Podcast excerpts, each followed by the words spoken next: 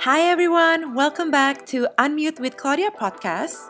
I'm your host, Claudia, and in this episode, I am joining with Faye Wongso, a startup and entrepreneurship ecosystem builder in Indonesia, as well as CEO and co founder of Kumpul, president of Coworking Indonesia, and co founder of Supercharge.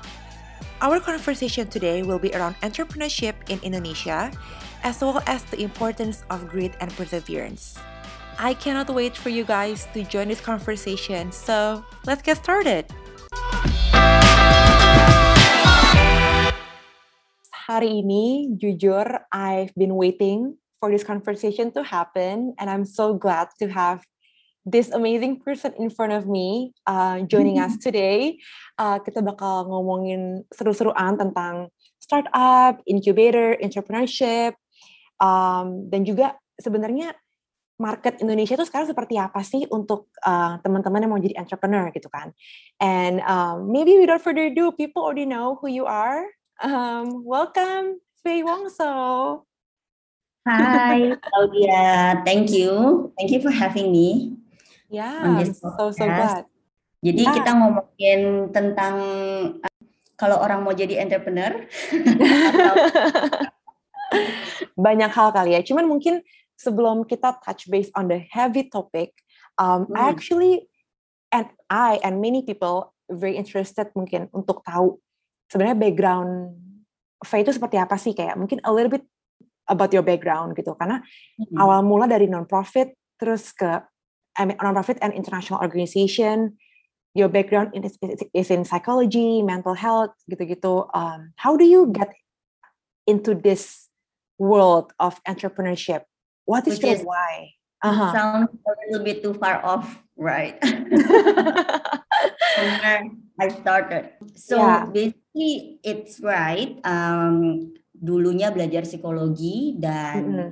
um, perjalanan karir waktu baru lulus dan umur 20-an, it's actually a lot more in psychosocial, mental health, and I mm. did that mostly with non-profit because um, it was around like early 2000 ya, jadi ketahuan umurnya kan. Um, dan um, pada saat itu mungkin nggak terlalu punya banyak pilihan opsi ya seperti anak sekarang.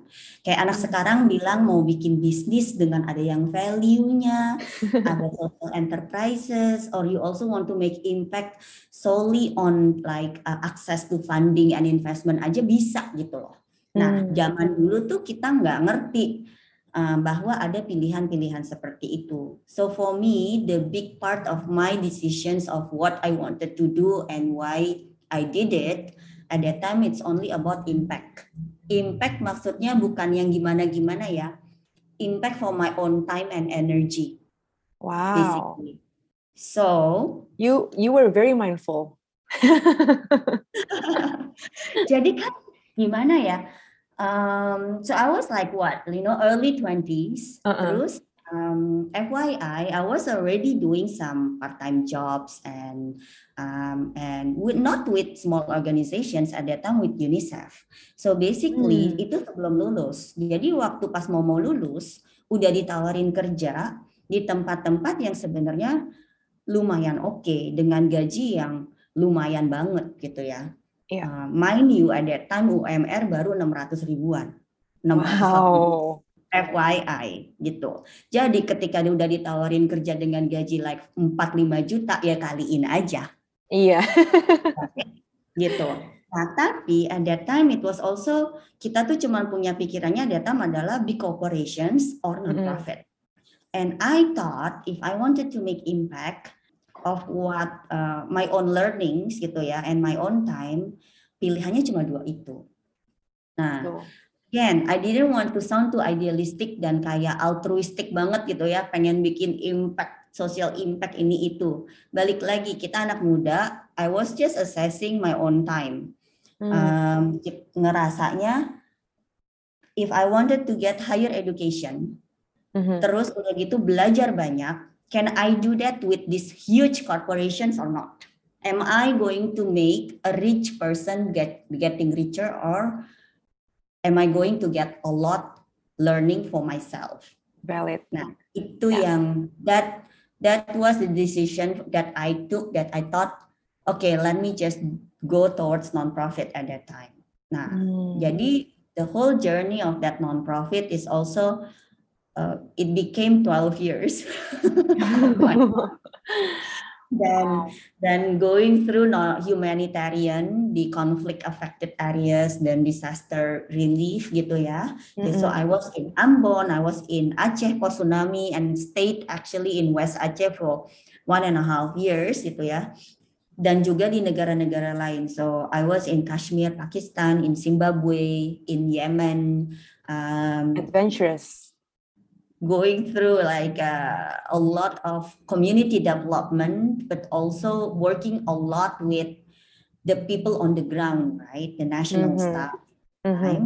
Or mm-hmm. actually going back to Indonesia. And I think that gave me a rich perspective about how community and impact and then how you can actually create an engine to to build something bigger Nah, okay. ini semua kehidupan sebelum kumpul. okay. Nice. I mean, that's like 12 years short in two minutes ya. Cuman hmm. uh, I think what interests me the most gitu. Okay, you said that community and social impact you see that there's an opportunity for you to create the engine to do more than that. Yeah. Yes. What was your why Hmm. back eight years ago when you start Kumpul? Hmm. And My, how how has the why changed now? Yeah, the why was exactly always questioning about impact itu tadi. At the beginning, I thought creating impact atau making impact for myself and also for what I do itu dengan um, being on the ground, nge ketemu langsung sama beneficiaries. Then I was questioning whether I was just a bucket of water in the desert. Yang kayak just yeah. gitu mesti hilang gitu kan ya. Yeah. nah, dan after that then I went to the development sector untuk membuat perubahan yang lebih misalnya sustainable or long term yang maybe my 20 year old self would think oh my god that's so boring terus kayak nggak kelihatan langsung gitu kan ya. Nah, going through that, and I also saw how unsustainable nonprofit was mm. actually when the sole business model was through donors or grants. Mm. Jadi ada banyak sekali big vision yang bagus banget gitu ya, combating poverty, um, empowering uh, you know like livelihood and economic uh, power of uh, undeserved populations all that lah you name it. It's so good it's so good. Tiba-tiba donor bilang stop gitu kan ya. Atau ada Indonesia I don't think like um, I think you are already middle income country so we just gonna shift our our resources to Africa or whatever gitu kan ya. Then mm-hmm. stop. So I thought there should be irisan harus ada irisan antara bisnis model um, supaya kita bisa sebenarnya creating that uh, engine mesin itu sendiri and feeding ourselves. Feeding ourselves to meaning feeding our own vision feeding our own impact gitu kan ya. Nah that's how um, I started kumpul and that's why the original uh, initiative was with co-working space model. Hmm. At that time, I was like looking at um, Indonesia. So um, I think Claudia, you and I were also chatting beforehand about GDP Indonesia and betapa yeah. kita mas kenapa sih Indonesia at that time ya, my mm-hmm. why mm-hmm. adalah Indonesia is such a great country. Yeah. But I mean, you stay in the US. You go to some states, some people has never heard of Indonesia. That's true. Pengen ditoyor nggak? Gitu kan? Iya. I like, hey man, gitu kan ya. I was actually traveling with the, the, the, the US Department of State invited me to go to like uh, five cities across the US from East Coast to West Coast, actually in 2018 to to link to learn and to be connected with the creative economy and the partnership incubator players across the US right mm. so then um, not many people already knew about Indonesia and kita adalah nomor empat loh populasi terbesar di dunia. I know. Jadi sesudah yang terkenal-terkenal kayak Cina, India, Amerika, itu tuh kita Indonesia. We mm -hmm. are the biggest archipelago in the world, in the world man, gitu kan. Gak ada lagi yang lebih gede dari kita. We we are the biggest Muslim population in the world, mm -hmm. not Middle East. It's us. It's us, yeah. And we have more than 70% uh, of youth in our population. Jadi kita punya bonus demografi di mana sebagian besar populasi kita itu adalah usia produktif. Sehingga adopsi teknologi dan creativity and innovations is actually quite high di sini. Yeah, compared to Japan ya. Yeah. It's very lucrative yep. actually. Yep. But not many people know about Indonesia dan dan I was just wondering kenapa sih kita nggak bisa sekaya itu, sesombong itu, seberdaya itu gitu ya. Hmm. I found out that back in 2008 2009 entrepreneurship level di Indonesia itu cuman kurang dari satu persen. It was like 0.8. So we okay. uh, the next the next milestone that we want to reach is 4%, right? Hmm. 4%. And it's been already hard work from many many uh, players and ecosystem uh, actors gitu to push this dan sekarang as you know being an entrepreneur or aspiring startup founders or having your own business is already considered nice or sexy gitu kan ya it's yeah. so different than like 15 to 20 years ago yeah everybody that I knew um, their aspirations kalau di daerah cuma jadi PNS kalau di kota besar mau kerja di Sudirman gitu kan di gedung di Sudirman yep. hmm sekarang udah beda. Nah, jadi um, si Amerika um, who is considered to be the best entrepreneurial uh, playground gitu ya atau ekosistem mm-hmm. di dunia saat ini skornya itu adalah di 14,5 persen. Mm. So you see like okay. the gap right? Oke, okay, nggak usah jauh-jauh deh, nggak usah jauh-jauh ke Amerika. Singapura, Singapura is 7 to 8 percent. Hmm. Nah, jadi um, kita benchmarknya siapa, Faye? Kenapa? Kita benchmarknya siapa? Let's say kalau kita mau compare Indonesia. Who's I think our benchmark? the benchmark um, is basically just the proportions of what we need to to have the, a strong economy. And Indonesian economy is really good in terms of like we've been very stable mm-hmm. for the mm-hmm. last 20 years.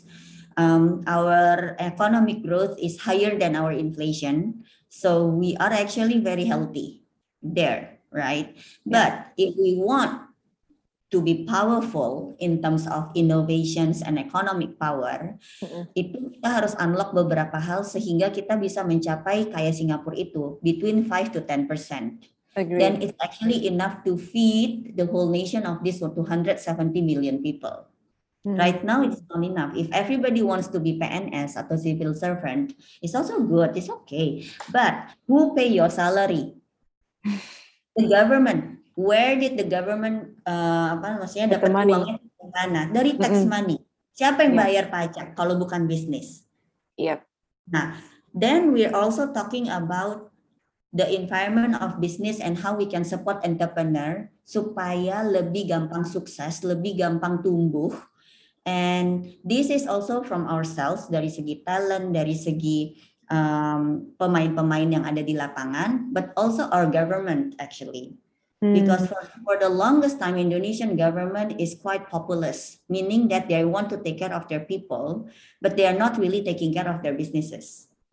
It's so different the mindset of the U.S. and this uh, and Singapore, and I think that explains that slow growth of entrepreneurship, that that percentage. Bayangin dari oke okay, less than one percent back in 2008 hmm. 2009, tapi ini sekarang udah berapa lama? We're talking about already 13 years dong, kayak more than one decade. Mm-hmm. Naiknya ini baru tiga persen, tiga setengah persen loh. That's true. So yeah. how can we actually um, boost gitu this this growth? Yeah, yeah, yeah, makes sense. Um, so co-working space for me at that time because I was nobody in terms of uh, I'm not I, I don't have a, a huge capital not being backed up by any conglomerate's money mm-hmm. uh, or my family's money you know my family is just like a like a normal middle class indonesian. Um, with my own uh, limited resources what is it that i could do? Jadi sebenarnya mulainya kumpul dari situ. Makanya bikin a very small co-working space and I started it together with Creative Hub Rumah Sanur di Bali because that's um, where I lived at that yeah. time. Uh, remember ya, my background was non non-profit, so non most of the projects I did before itu di Flores, makanya tinggalnya di Bali. So it's not ah. because oh gue mau kerja dari Bali atau mau kerja dari Bali gitu, not because of that. but I was already there, so my community was there, my network was there, so that's how I started. Okay, okay. And I thought co-working could be akuarium untuk kita testing beberapa model, yeah. membuat our own members or our own um, kayak apa ya talents and then business owners who were there, mm-hmm. how how we could help them to be more successful easier. Yeah, basically. Yeah. Okay. Hmm. Nah, you mentioned the word aquarium, and I love hmm. that a lot. Itu I think a very easy uh, way to put it gitu kalau co-working space. Okay, other things that also interest me the most about you is like, you know, you've doing these all amazing things and even without a business or finance background gitu. Hmm. Um, what carry you on until this day? If you could look back gitu, ada nggak sih values dari from your childhood, dari your parents, or who you are as a person that actually could make you or bring you to who you are today? I always feel, um, I always consider myself to have a very strong moral compass. And of course, um, kalau mau dibilang diatributkannya ke siapa, pasti kita banyak pengaruh dari orang tua atau keluarga ya. Mm -hmm. Gitu. FYI, um, our family is very nationalist. Jadi oh. Indonesia as a whole, I feel we are very nationalist on the verge of stupidity sometimes gitu kan ya. But we are very proud to be Indonesian. Yeah. Build Indonesia, kita bisa mati pokoknya buat negara gitu kan. Yeah. Nah, yeah. compared compared to other countries loh, like I didn't realize this sampai uh, teman-teman dari negara lain sebenarnya yang uh, mention gitu loh Mm-mm. Bahkan bahkan misalnya, I mean you are in the US, so you are connected with a lot of diaspora groups atau anak-anak yang yeah. lama di US. Jadi pengen gitu loh, one day I go back to Indonesia if I can find a way. Pengen, kalau banyak negara lain pengen permanently udah migrating aja, kita enggak. Nah, jadi so my family balik lagi, I I didn't even know about racism. So I know this is a podcast. Nobody could see my outlook, but my outlook is Chinese Indonesian. Even though all of my my family are uh, were born in Indonesia and Indonesian are the only kayak mother tongue that I knew gitu ya. Tapi kan memang banyak banget orang Indonesia berpikir I'm not Indonesian.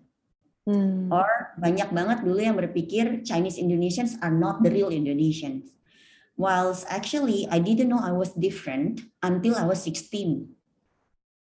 Ah. Because racism is what my parents never talked about her apa ras betapa kita tuh beda harus ngebeda-bedain orang tuh nggak hmm. pernah di so I didn't know I was different gitu Nah, okay. waktu umur 16 mulai dengar-dengar ini itu, I was so confused. I remember having, um, I remember I had the, the discussion with my mom gitu, at that time. Mm -hmm. Kenapa ya orang ngomong gini? Kenapa ya orang ngomong gitu? Dan so the moral compass that I knew was really just kayak um, kita tuh punya punya kegunaan nggak sih buat orang di sekeliling kita yang kita bikin ini apa namanya benar salahnya tuh oke okay nggak gitu. Nah, so I have that really strong uh, moral compass mungkin juga di endorse dengan kerja di international organizations ya. So non-profit international organizations was also quite strict kan in terms of certain policy of anti-corruption, yeah. uh, anti-sexual harassment, um, yep. awareness whether you want to do if you want to work in development sector, the awareness whether you you have this good uh, will, but are you creating more harm than good, gitu kan? Um, benar-benar ngelihat dari perspektif orang lain. Um, so I think that what shaped everything that I've done so far. Uh, dan kadang-kadang you become the leader because people look. Kadang orang kan bingung. Ini sebenarnya mau ke arah mana? Ke kanan, ke kiri ya? Terus apa enggak ya? Harus di stop apa enggak ya? Ini dia nawarin ini nih kita iyain atau enggak ya? The people sometimes look to me and then for me that's super clear. For some people it's mm. unclear. For me it's always quite clear. Okay. And I got some mantras that guides me gitu kan ya along the ways kayak yeah. for me when in doubts always choose brutal honesty for example. yeah. Then that that can be intimidating though untuk orang-orang sebenarnya, mm -hmm. tapi dan it can hurt us too in that moment gitu ya. Kayak brutal honesty is not always easy loh. Yeah. especially Indo people. Yeah, but I feel in the long run, it's the best way to take. Hmm. Okay. Faye, I think most of your work, and even even since you were, you know, in college, you've been asking yourself a lot about how you can make impact, right? Even to yourself, or even how you make impact to other community. Right now, I personally feel that the word impact is being overused. Um, kayaknya semua semua bisnis uh, atau semua I'm not saying people in my age do it wrong way ya, enggak. Tapi orang-orang di social media yang bilang mau buat bisnis bilang kayak oh we wanna create an impact. Tapi sebenarnya menurut aku apakah itu scalable impactnya atau mungkin is this person really understand what he or she's trying to say when they say they wanna create impact you yeah. as a community player in this field of fokusnya kan impact, right? Entrepreneurship and community, and it's all about impact. And you've been, you know, asking and questioning these questions all your mm-hmm. life, pretty much. What is the one thing, like, what is the important thing that we're missing every time someone say to you, oh, you wanna make impact, menurut lo apa sih yang missing in their vision gitu? How you see this? Yeah. Um, first of all, I never called myself a social impact person, and then I never built social enterprise. Hmm. Banyak orang uh, mengkategorikan kita di sana hmm. karena apa yang kita udah bikin. But at the beginning, it's not. It's it's business.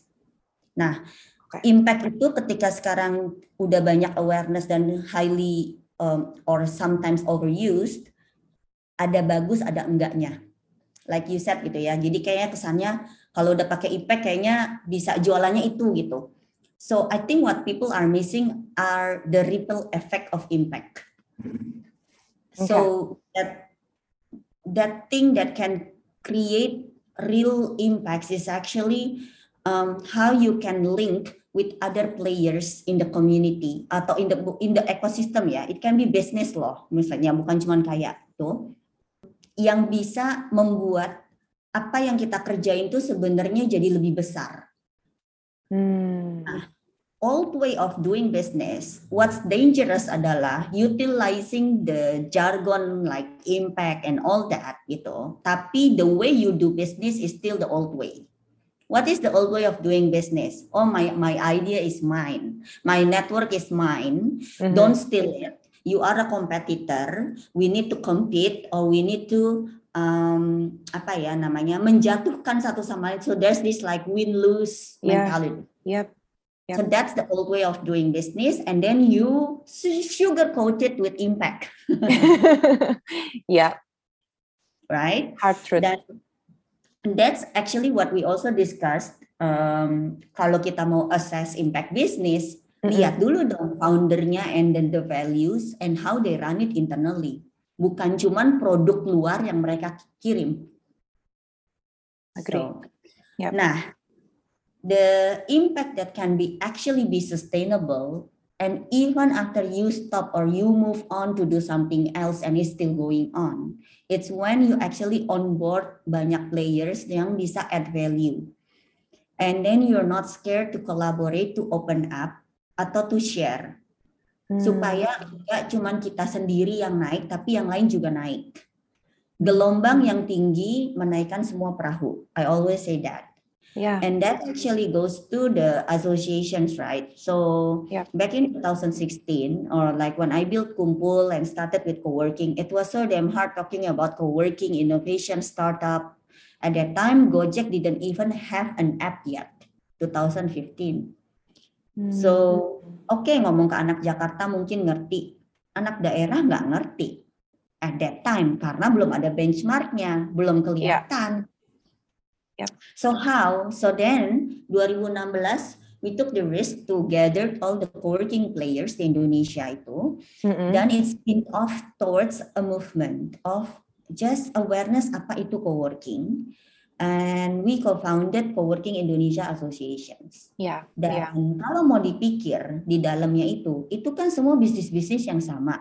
Hmm. If you want to take a look at it from the old business perspective, that means everybody is competitor dong ngapain lo bareng-bareng gitu kan yeah. ngapain bagi informasi ngapain lempar-lemparan project ngapain bagi pengetahuan how you manage your team how you get your uh, uh, apa namanya your members how you you grow your community ngapain share kan yang lain kompetitor nah so we always push this gelombang yang tinggi menaikkan semua perahu when people are aware about the value of your industry then it actually benefit you too.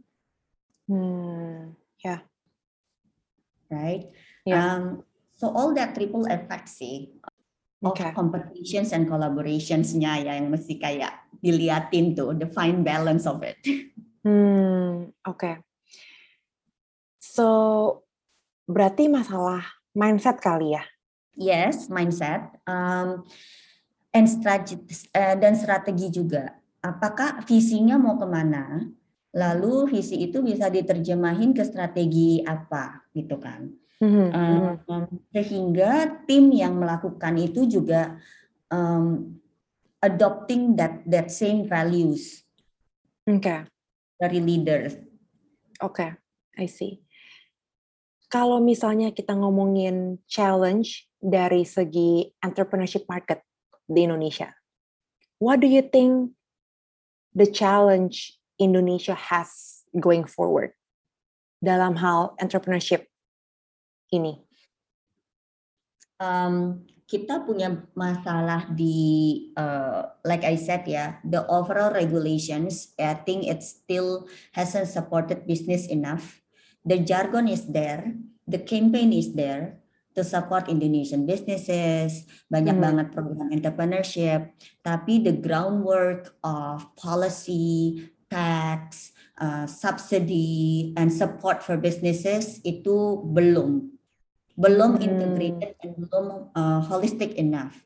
I want to mention one thing yang baru aja ada ada undang-undang um, yang baru disahkan oleh DPR soal yeah. um, cuti melahirkan enam bulan mm-hmm. right? FYI untuk uh, apa namanya yang belum kenal aku tapi yang udah kenal aku agak lama pasti tahu I'm actually a feminist and I yeah. support all of this gitu kan untuk uh, uh, ibu punya cukup waktu dan lain sebagainya dan juga dikasih waktu untuk ayahnya dan lain sebagainya. Mm-hmm. But this can actually backfire. So all the the, the policy is one sided ketika misalnya ada polisi seperti itu, bisnis mana yang bisa punya daya? And then I'm talking also about small medium businesses ya. SMEs, yang ya. untungnya bukan kayak BUMN yang puluhan triliun. Ya. Yang bisa support gaji almost full selama enam bulan plus role itu kosong sehingga kita harus support uh, kita harus ada substitute kan yang hmm. kita gaji lagi plus si uh, suaminya juga. Jadi overall bisnis harus take care of berapa? Kayak 10 bulan revenue uh, salary untuk satu orang itu. It will backfire that businesses will not hire young uh, women anymore. Hmm. Jadi ada policy-policy seperti itu. Negara maju lain yang mempunyai policy yang sama, hmm. they actually subsidize the business untuk bisa allowing that policy to happen dari uang pajak. They meaning the government. Ini, ini yang nggak dilihat gitu kan. COVID, hmm. post COVID, Singapore, the US, they actually subsidize some of the crucial businesses itu untuk nggak lay off orangnya, tapi nggak langsung ke masyarakat, tapi lewat bisnisnya, hmm. misalnya. Nah, so I think the the challenge of Indonesia, if we want to push our GDP and our businesses to really grow is that the government can actually work more on the policies yang kayak gitu ya, yang lebih holistic. Kayak misalnya UKM.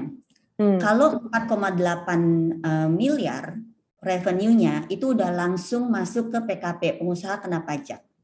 Which makes you okay. to be to have to pay tax 10%. Okay. Ya. Hmm. Dan if you have profit, 25% itu uh, dari profit itu masuk lagi ke pajak, right? But earning 5M setahun sama earning 500M setahun jatuhnya sama keputusan apa polisinya. Hmm. So how is this supporting the small businesses? Yeah. Right.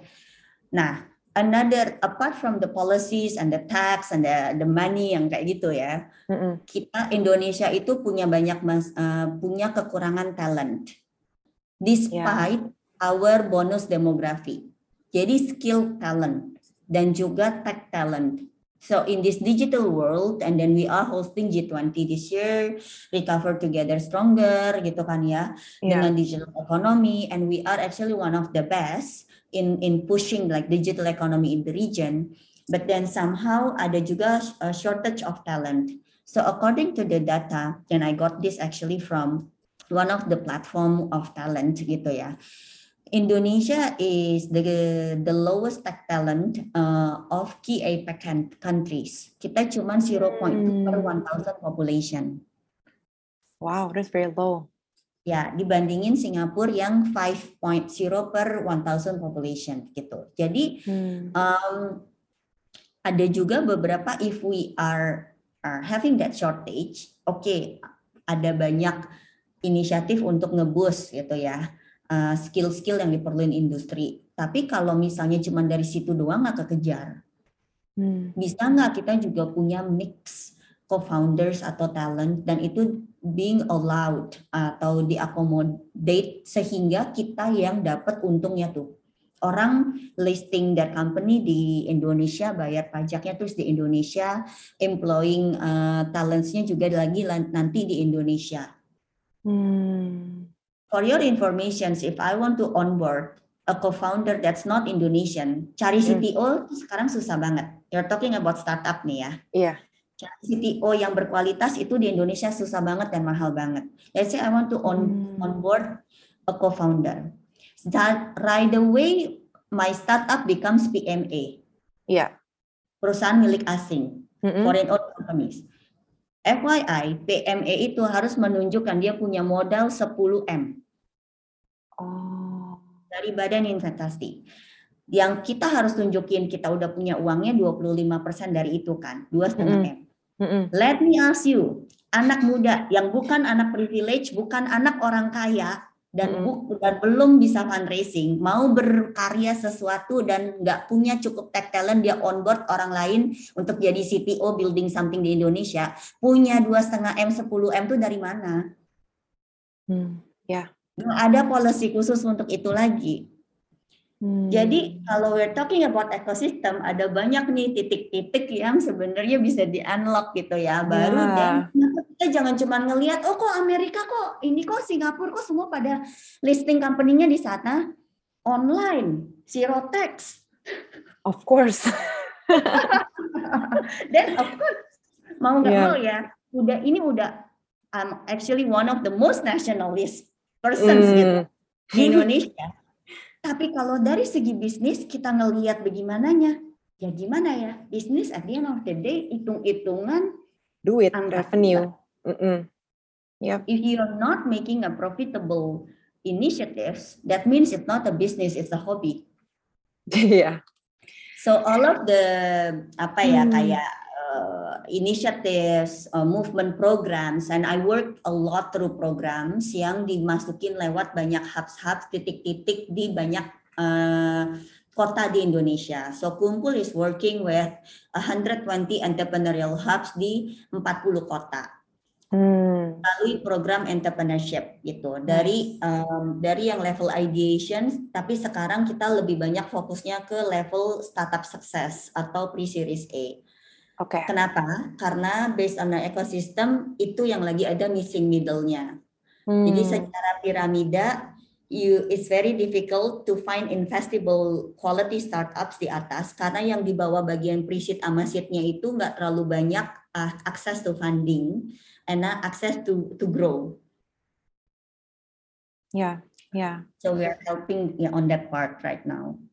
Gila, I you know like this whole 10 minutes gue belajar banyak banget sih tentang kayak because you know all of these informations about startup about you know what are missing in Indo in startup world ya. Ini kan I mean I have no idea about unless I talk to you or talk to someone else yang juga you know know more about this industry gitu.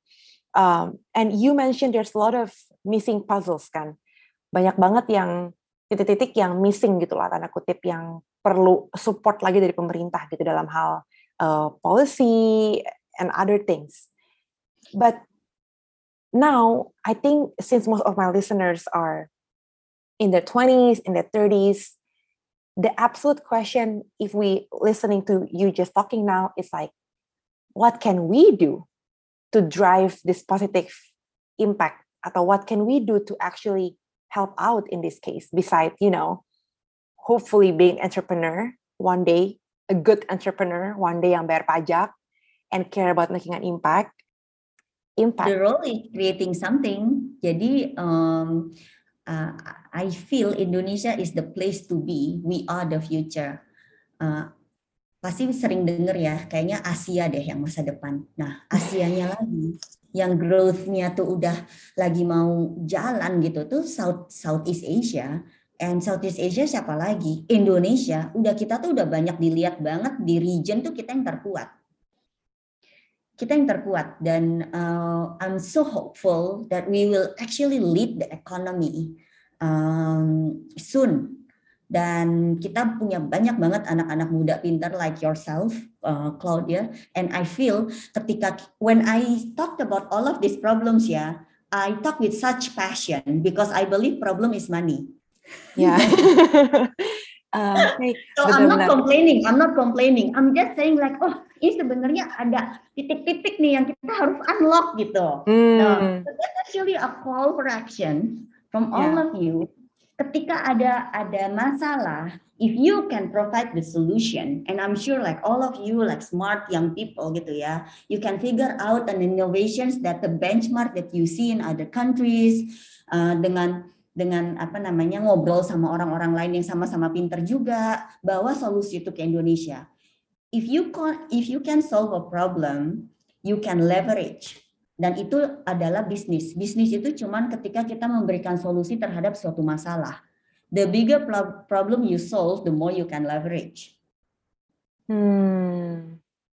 So when you build a business, then you always need to ask yourself, am I just building a vitamin or I'm building a cure? Nah, jadi um, this can be done through many things ya. Nggak semua orang itu cut out to be startup founder atau entrepreneur. I and I work a lot with people in their 20s in my team and also um, people going through our programs and people on the ground in in the hubs, right? Mm-hmm. And I feel right now because of the digital access and then all the wawasan, kayak horizons, things that you could do is actually limitless. Then um, a lot of young people feel a little bit uh, gimana ya, nggak terlalu tertarik untuk uh, punya vertical career development. Nah, hmm. vertical career development itu di masa lalu adalah kata you stay long enough in one field, uh-uh. and then you invested your energy, your skills, and then you climb the ladder. So that's vertical, right? Mm-hmm. Nah, sekarang I found that a lot of young people itu lebih tertarik untuk melakukan horizontal capacity building. That they are trying many different things. Hmm. Do you think that's problematic? Um, yes and no. So I think personally it's good for you, and hmm. then that's when you can actually invest because you have nothing to lose. Nggak hmm. ada tanggungan. All you have is actually developing your skills and you have a lot of time. Yeah. jadi nggak apa-apa. But I feel nggak boleh kelamaan juga because you also want to achieve something and nothing in this world uh, there's no such thing as a free ride that you can actually be successful without hard work. Itu mimpi aja Yeah. I think a lot of people want to be in their 20s baru umur 21, 22, 23 gitu ya and then they become like a very successful CEO terus udah mm -hmm. gitu mimpi adalah exit. If you want to build something then you already dreaming about having an exit don't build it. Hmm. Kalau memang jalannya nanti exit, kalau memang nanti jalannya mau IPO, kalau yeah. memang jalannya nanti gimana, ya udah nggak apa-apa. But it's not hopefully it's not what drives you. Nah, in anything, right? And whether we work for someone else, whether we support someone sa, sa apa an organization atau a program, whether we actually build something ourselves gitu. Mm-hmm. Nah, drive-nya tuh kalau bisa jangan itu gitu. Tadi when you mention about, you know, um, sebenarnya there's two problem kan. Yang pertama problem human resources-nya di Indonesia masih lacking, and yang kedua adalah mengenai uh, the, the the policy uh, atau the sistemnya gitu. Nah, with the first uh, sorry, with the second issue yang masalah uh, system and policy-nya itu kan takes a while banget buat di fixin gitu. Especially Jokowi udah mau kelar um, masanya in the next two years. Hmm. Do you feel optimistic with Indonesia in the next coming years or even Indonesia in 20, 2045? Let's hmm. say let's say if this public uh, policy, the lawmakers and this law institution masih kayak gini, tetap kayak gini. Only one-sided ketika mereka say yes or no to a constitutional decision. You still feel optimistic because a lot of what we're doing is relatable to yeah. that itself. I do. Um, like I said, I think we've built strong um, ini ya basis gitu. For the last 10 20 years Indonesia has been growing um, quite stable. Economic growth-nya talentnya jadi culture-nya itu juga udah lumayan terbentuk gitu kan ya. Um, I hope uh, change of leader cannot disrupt the whole thing. Kayak Amerika aja ada ada change of leader gitu ya sebelum mm-hmm. presiden yang ini and then people thought that oh it's doomed. Oke, okay, ada certain stupidity, tapi kan it doesn't change the way you operate as a nation after that you sort of recover again. Yeah. Right? There's always a setback, but I think Indonesia is a very communal country. Mm-hmm. We are very communal. Actually in the ecosystem index uh, two strong points-nya kita itu yang pertama itu adalah networking. Jadi kalau ada di Global Entrepreneurship Index gitu ya yang dibikin mm -hmm. itu networking and product innovation. So we are quite creative and then we are very communal. Yeah. So I feel there's a lot of strength. Ada kekuatan-kekuatan yang sebenarnya itu di drive-nya dari orang-orangnya dan community-nya. So that's why this year actually Working Indonesia kita akan bikin conference kan and the theme it's not at all about workspace anymore because we feel co-working itu kekuatan utamanya adalah community activation hmm. um, dan uh, tema yang kita dukung itu adalah community led growth. So community means business. Oke. Okay. So when you want to already move forward gitu ya dari just building a, a business yang transactional, mm -mm. if you really want to be sustainable and grow, dan itu harus ada aspek komunitasnya. Just take a look of big um, companies around the world yang benar-benar gede gitu ya. Lihat, ada sense community-nya nggak? Semua pasti ada. Ada. And community, you can't just create a WhatsApp group and then make it into your audience channel gitu. Itu yeah. namanya marketing channel.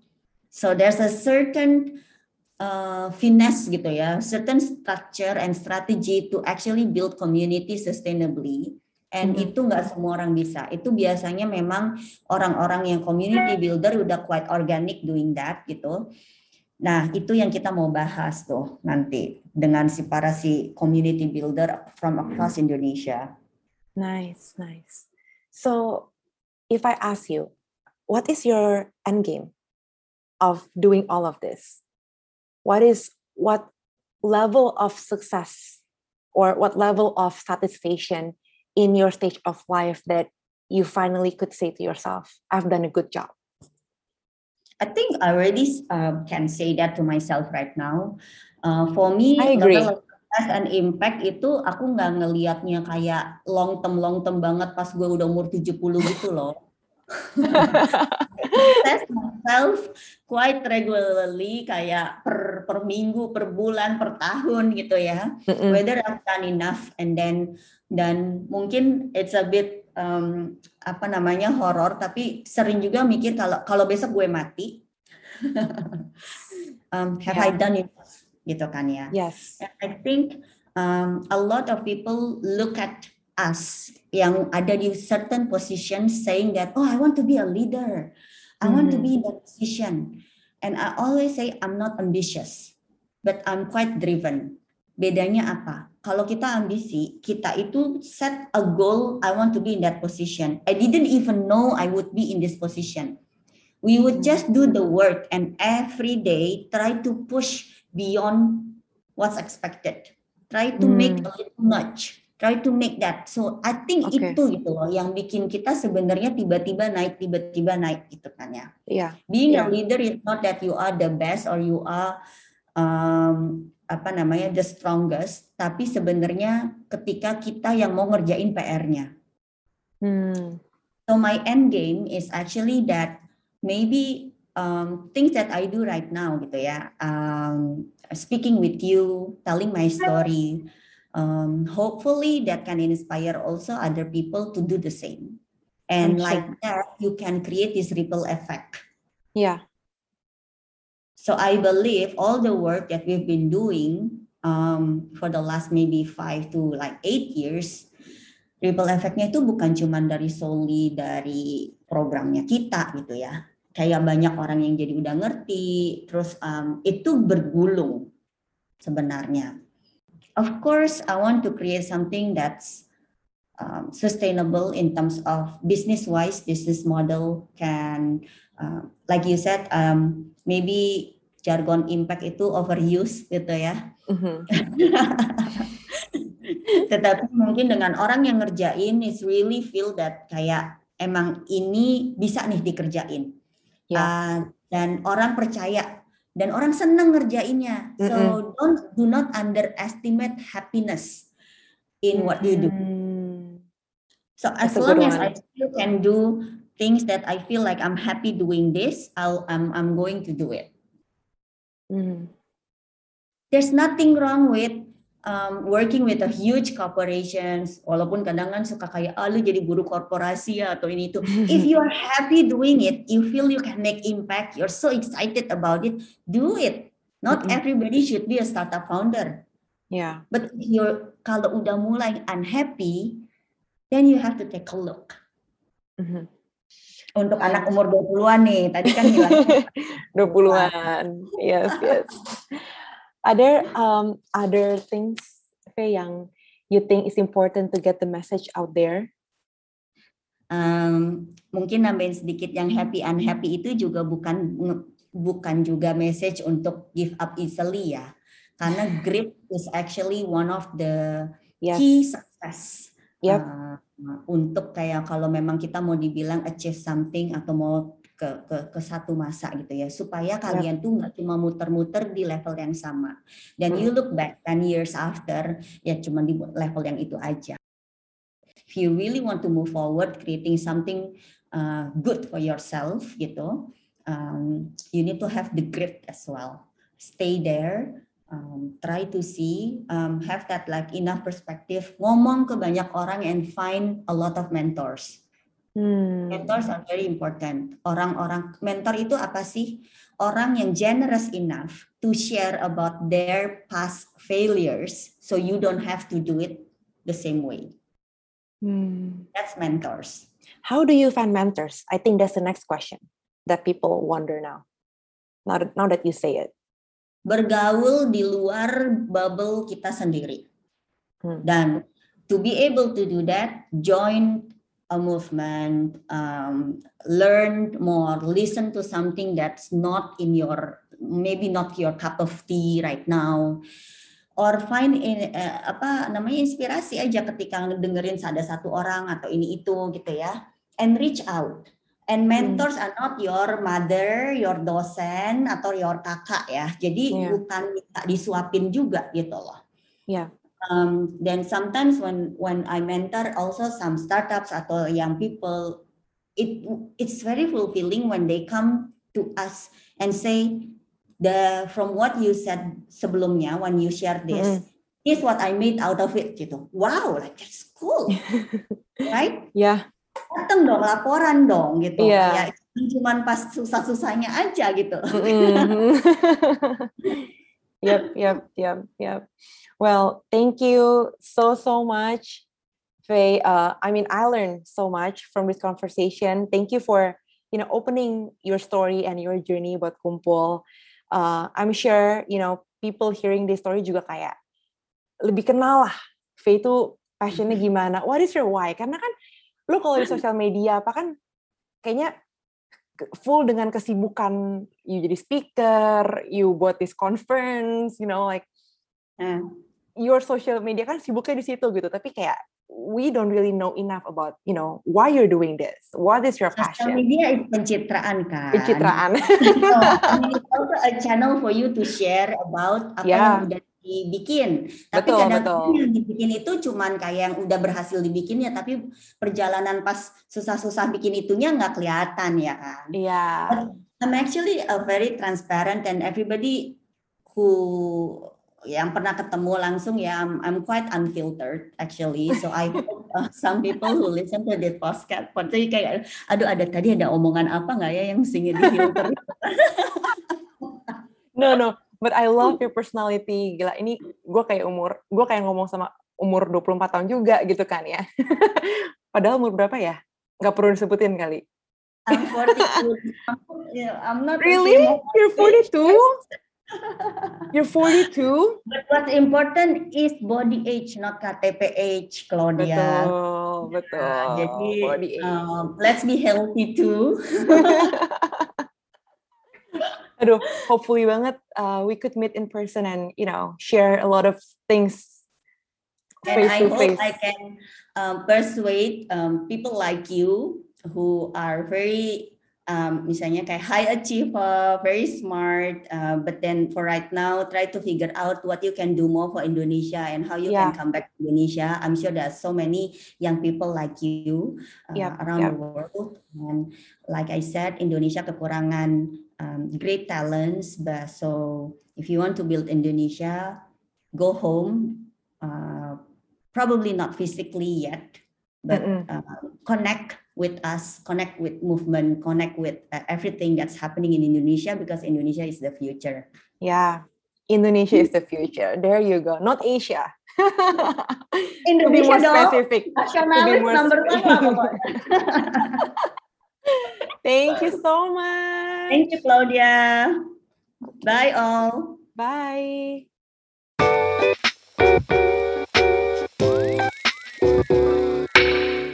Thank you all for listening to this Unmute episode. Don't forget to follow this channel and share it with your friends too. And also, feel free to hit me up on Instagram at Claudia H. Johan. Unmute Podcast, let the brain sparks begin. See you!